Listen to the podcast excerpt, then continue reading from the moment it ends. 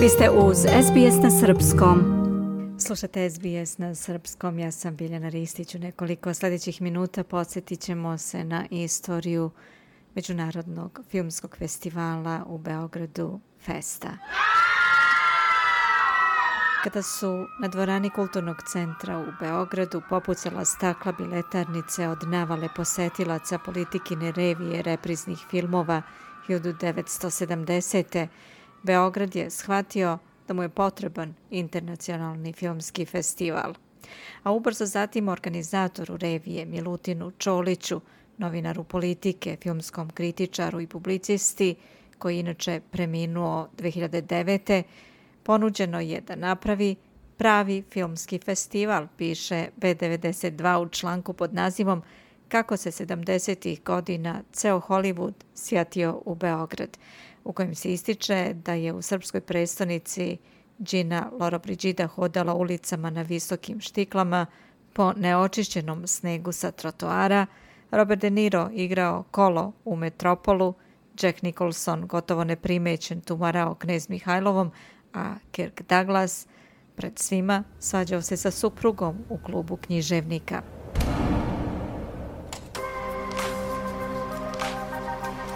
Prvi Beogradski međunarodni filmski festival započeo je svoj život 8. januara 1971. uz slogan Hrabri novi svet, kao aluzija na istoimeni distopijski roman engleskog pisca Aldosa Huxleya.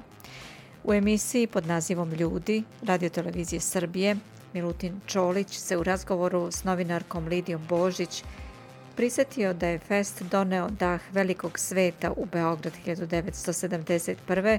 kada se pod pokroviteljstvom UNESCO u Beogradu obeležavalo i 75 godina svetskog filma. Kada je se 71. otvarao fest, jer ja sam se dosetio da, pošto je to godina bila 75 godina, sam i po decenija istorije svetskog filma, jel da? Jer ja sam predložio UNESCO da se ta proslava pa je bilo održi tu, tim povodom. I pristali su, ne? pristali su i došli su franski ministar za kinematografiju, predstavnik Olgi Gado, Olgi Gado, tako se zvao, predstavnik UNESCO-a. I tu je, i onda smo pozvali razne istaknute ličnosti. Mi Bulban, pored se Marija Ševi i tako dalje, došla je u ime UNICEF-a. UNICEF I onda Lee Bulman, istaknuta glumica, i ne samo glumica, ona je poslala kasnije pisac. Prim je bio tamo gde je Dušanov grad. Na čim stubu stoji na franskom, engleskom i na našem jeziku, da je tu održana prva predstava u Srbiji, je li filmska predstava. Osnivač Festa je također rekao kako je on bio jedini direktor koji nije imao kancelariju, sekretaricu ili službena kola. Ja sam imao prvi godina i kasnije uopšte. Zato jedan pokretni, mobilni direktor, stojeći direktor, ja nikad nisam imao ni kancelariju, ni sto, ni stolicu, ni sekretaricu. Ja sam nosio u početku prvi godina sa Dejanom Đurustićem koji mi je prvi pomagao kao festa, na poštu, bio kurir je tako. Dakle, sve je toga i kancelarija je mahom bila ovdje, mahom bila kod nas.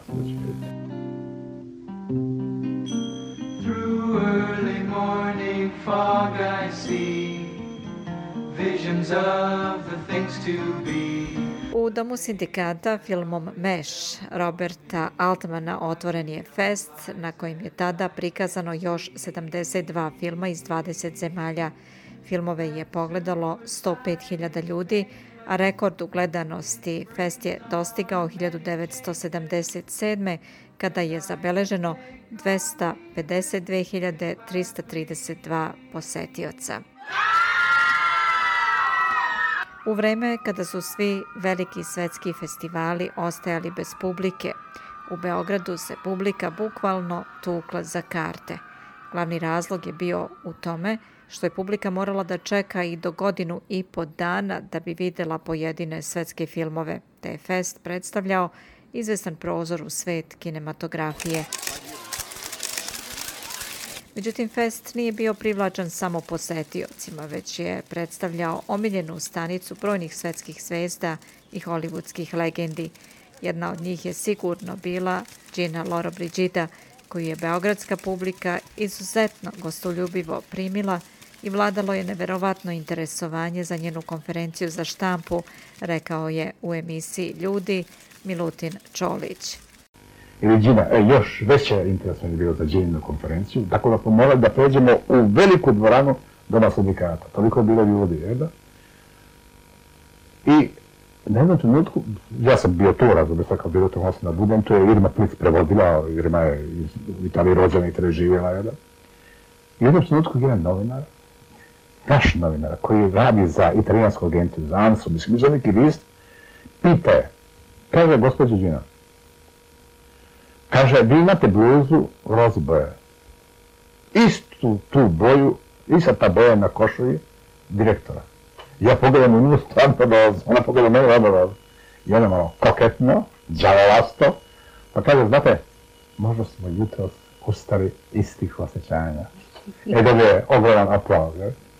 Kako su pisali beogradski mediji u vreme velikih društvenih previranja na zapadu, uspona levičarskih ideja među studentarijom širom sveta, kada su ideje komunizma mnogima još delovale kao svetla budućnost, a jugoslovenski model socijalizma sa humanim likom kao most između dva sveta podeljena ideološkim dogmama, Titova država je zapadu delovala poput liberalnog Disneylanda.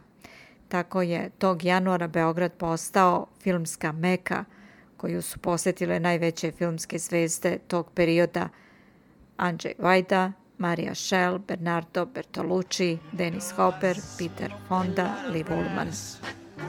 Oh Lord, I popped a lot of pills. Kako su pisale TV novosti tada, Peter Fonda i Dennis Hopper, junaci svetskog kultnog filma Goli u sedlu, na čiju projekciju u Beogradu su na prvom festu ušli samo oni koji su pre toga čekali i po 10 sati u redu za karte, bili su poput bogova pali na ondašnje polumračne ulice. Peter Fonda je, kako su prenele TV novosti, rekao tada, citat, volim sredine u kojima se govori samo o filmu i živi samo za film. Takva je ova beogradska publika, ova sredina u kojoj se izvrsno osjećam. Tokom prvih godina festa srpsku prestonicu posjetili su legendarni reditelji Frank Capra, Francis Ford Coppola, René Clair, Vittorio De Sica, Miloš Forman, Pier Paolo Pasolini, Roman Polanski i Sam Pekimpo, koji su bili gosti studentskih tribina – a u Skadarliji nije bilo iznenađenje da nabasate na Marčela Mastrojanija, Moniku Viti, Bibi Anderson, Pitera Justinova, Saru Miles, Nina Manfredija, Sibyl Shepard, Izabel i Per. Paralelno sa osnivanjem festa, piše politika, Milutin Čolić je došao na ideju da Tito odlikuje najvišim državnim ordenjem deset najistaknutijih filmskih stvaralaca iz različitih država – Sastavljen je spisak na kojem su bili Charlie Chaplin, John Ford, Fritz Lang, Mark Donskoj, Lucchino Visconti, Luis Buñuel, Akiro Kurosawa, Jean Renoir, Lorenzo Olivier i Ingmar Bergman. Iako su ljudi iz predsjednikovog okruženja tada sumnjali da će ideja proći, navodno da su govorili gde bre Tito da odlikuje filmađije, On je ipak dao svoj pristanak, ali je ukaz o odlikovanju potpisao tek dan u oči početka festivala.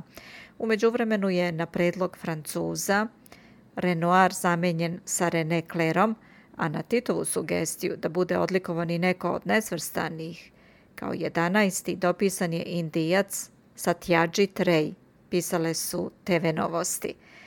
Zanimljivo je da su iz ambasade tadašnje Jugoslavije u Sjedinjenim državama izrazili zabrinutost oko izbora Johna Forda, koga su u dopisu okarakterisali kao, citat, ljutog antikomunistu i sugerisali da se umjesto njega na spisak stavi provereni antifašista William Wyler. Međutim, odluka je ipak ostala da se orden ponudi Fordu, koji je inače imao čin generala američke vojske i upravo od njega je stigla i prva lična zahvalnost. Osjećam se bezmjerno počastvovan što ću nositi odlikovanje jednog od najvećih boraca protiv fašizma, napisao je on. Ingmar Bergman je napisao da je sve do tadašnje predloge za odlikovanja odbijao, pa čak i od svog kralja, ali ovaj put je pristao uz reči, citat, s velikom počašću primam odlikovanje od velikog antifašiste Tita.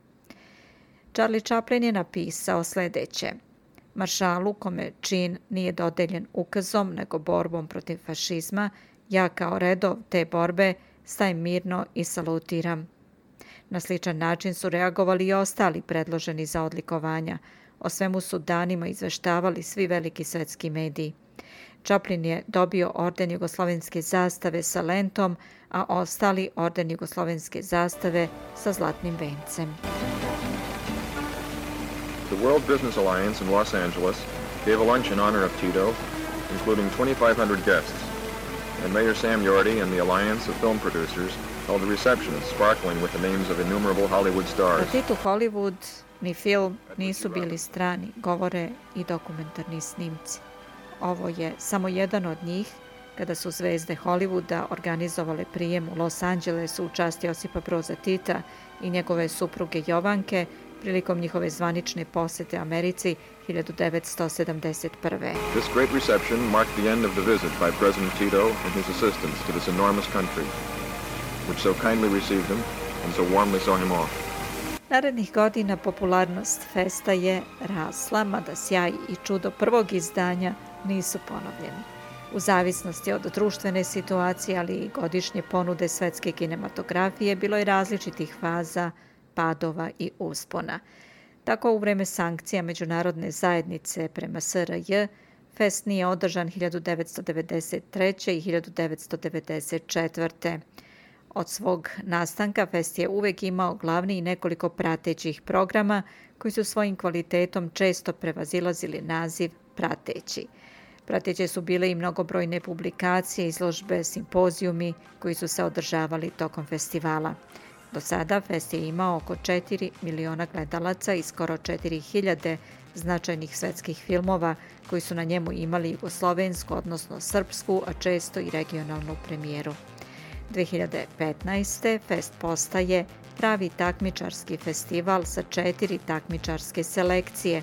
Glavni takmičarski program Internacionalna selekcija, program Srpski film Nacionalna selekcija, program Granice, subversivni i kontroverzni filmovi i filmovi iz regiona koji se takmiče za nagradu Nebojša Đukelić.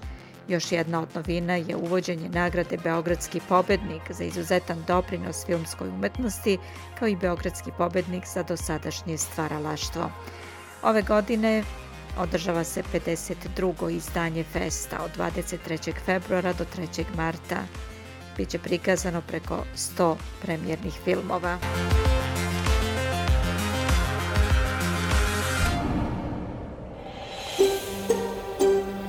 Želite da čujete još priča poput ove? Slušajte nas na Apple Podcast, Google Podcast, Spotify ili odakle god slušate podcast.